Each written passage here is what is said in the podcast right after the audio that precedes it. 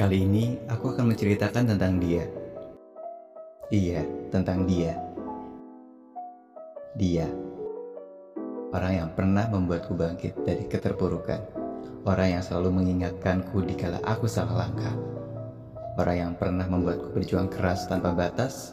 Orang yang selalu menyemangatiku dikala diri ini terasa lelah dan ingin melangkah. Dan karena dialah alasanku untuk pulang ke rumah. Banyak hal yang ada di dirinya yang sungguh luar biasa. Dari tingkahnya, ucapannya, sikapnya, dan senyumnya selalu ada di pikiran ini. Sekalipun dia telah pergi dan tak pernah kembali. Orang yang akan selalu menjadi kenangan, jadi sejarah, dan arti di hidup ini. Dan tak pernah kutemui lagi di dunia ini. Dia datang dengan sebuah pesan, memulai percakapan lewat sebuah tulisan. Tak banyak, namun cukup meyakinkan, karena saat itu aku sedang mengumpulkan banyak teman.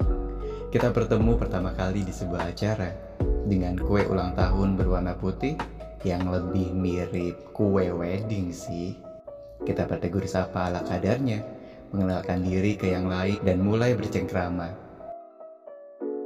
Dia yang terlihat berbeda, bukan terpesona karena wajahnya, karena saat itu aku belum jatuh cinta, namun gayanya, sikapnya, pakaiannya sangatlah elegan dan dewasa, dan diri ini menyadari sebuah perbedaan usia di antara kita. Ya, usianya beberapa tahun lebih tua dariku. Pekerjaannya jauh lebih hebat dari aku yang cuma sekedar bicara di balik mikrofon tanpa raut muka.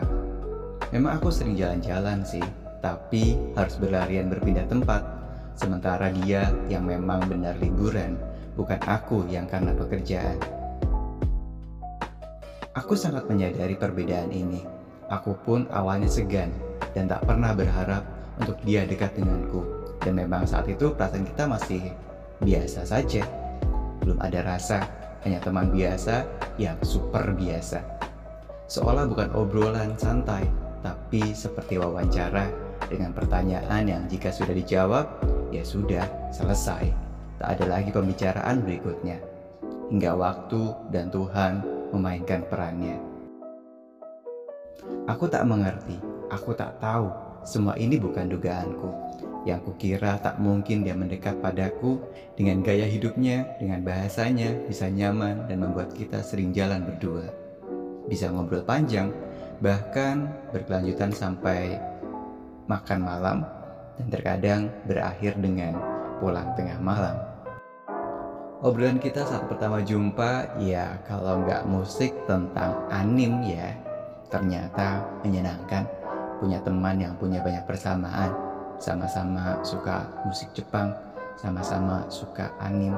Atau mungkin ada beberapa hal yang akhirnya terbawa dan membuat kita menjadi sama. Berawal dari kata konbanwa hingga akhirnya ku mendengar kata Anata dari bibir manusia. Musiklah yang memperkenalkan kita lewat sebuah komunitas yang membuat matamu melirik dan singgah di status itu di sebuah sosial media dan membuat jemarimu mengetik beberapa kata di bawahnya. Aku sebagai penyelenggara tentu dengan senang hati membuka diri dan mempersilahkan untuk datang dan duduk bersama. Tak ada perlakuan spesial untuknya, karena semua diperlakukan secara sama. Aku hanya menjamu tamu yang datang untuk berkumpul bersama. Sebagai ketua tentu memfasilitasi semuanya, jadi bukan istimewa saat itu. Aku masih ingat kau datang dengan kaos abu-abu dengan rompi manis berwarna hitam, dengan rambut yang terikat dan tas di tangan. Masih malu dan agak kaku sih, walaupun akhirnya mencair, tertawa bersama dan menikmati suasana. Kita duduk di sebuah meja yang dibuat memanjang. Iya, karena kita nggak cuma berdua, tapi banyak orang. Kita menikmati menu yang kita pesan dan kue ulang tahun yang ternyata porsinya kebanyakan. Hingga akhirnya kita berikan ke karyawan di sana. Dan tentu saja, kita mengabadikannya dengan foto bersama. Entah untuk dokumentasi atau sekedar koleksi pribadi. Itulah pertama kali perjumpaan kita. Belum ada rasa, apalagi cinta yang kita tahu saat itu kita memiliki kesukaan yang sama, suka musik yang sama, tontonan yang sama, dan suka kopi.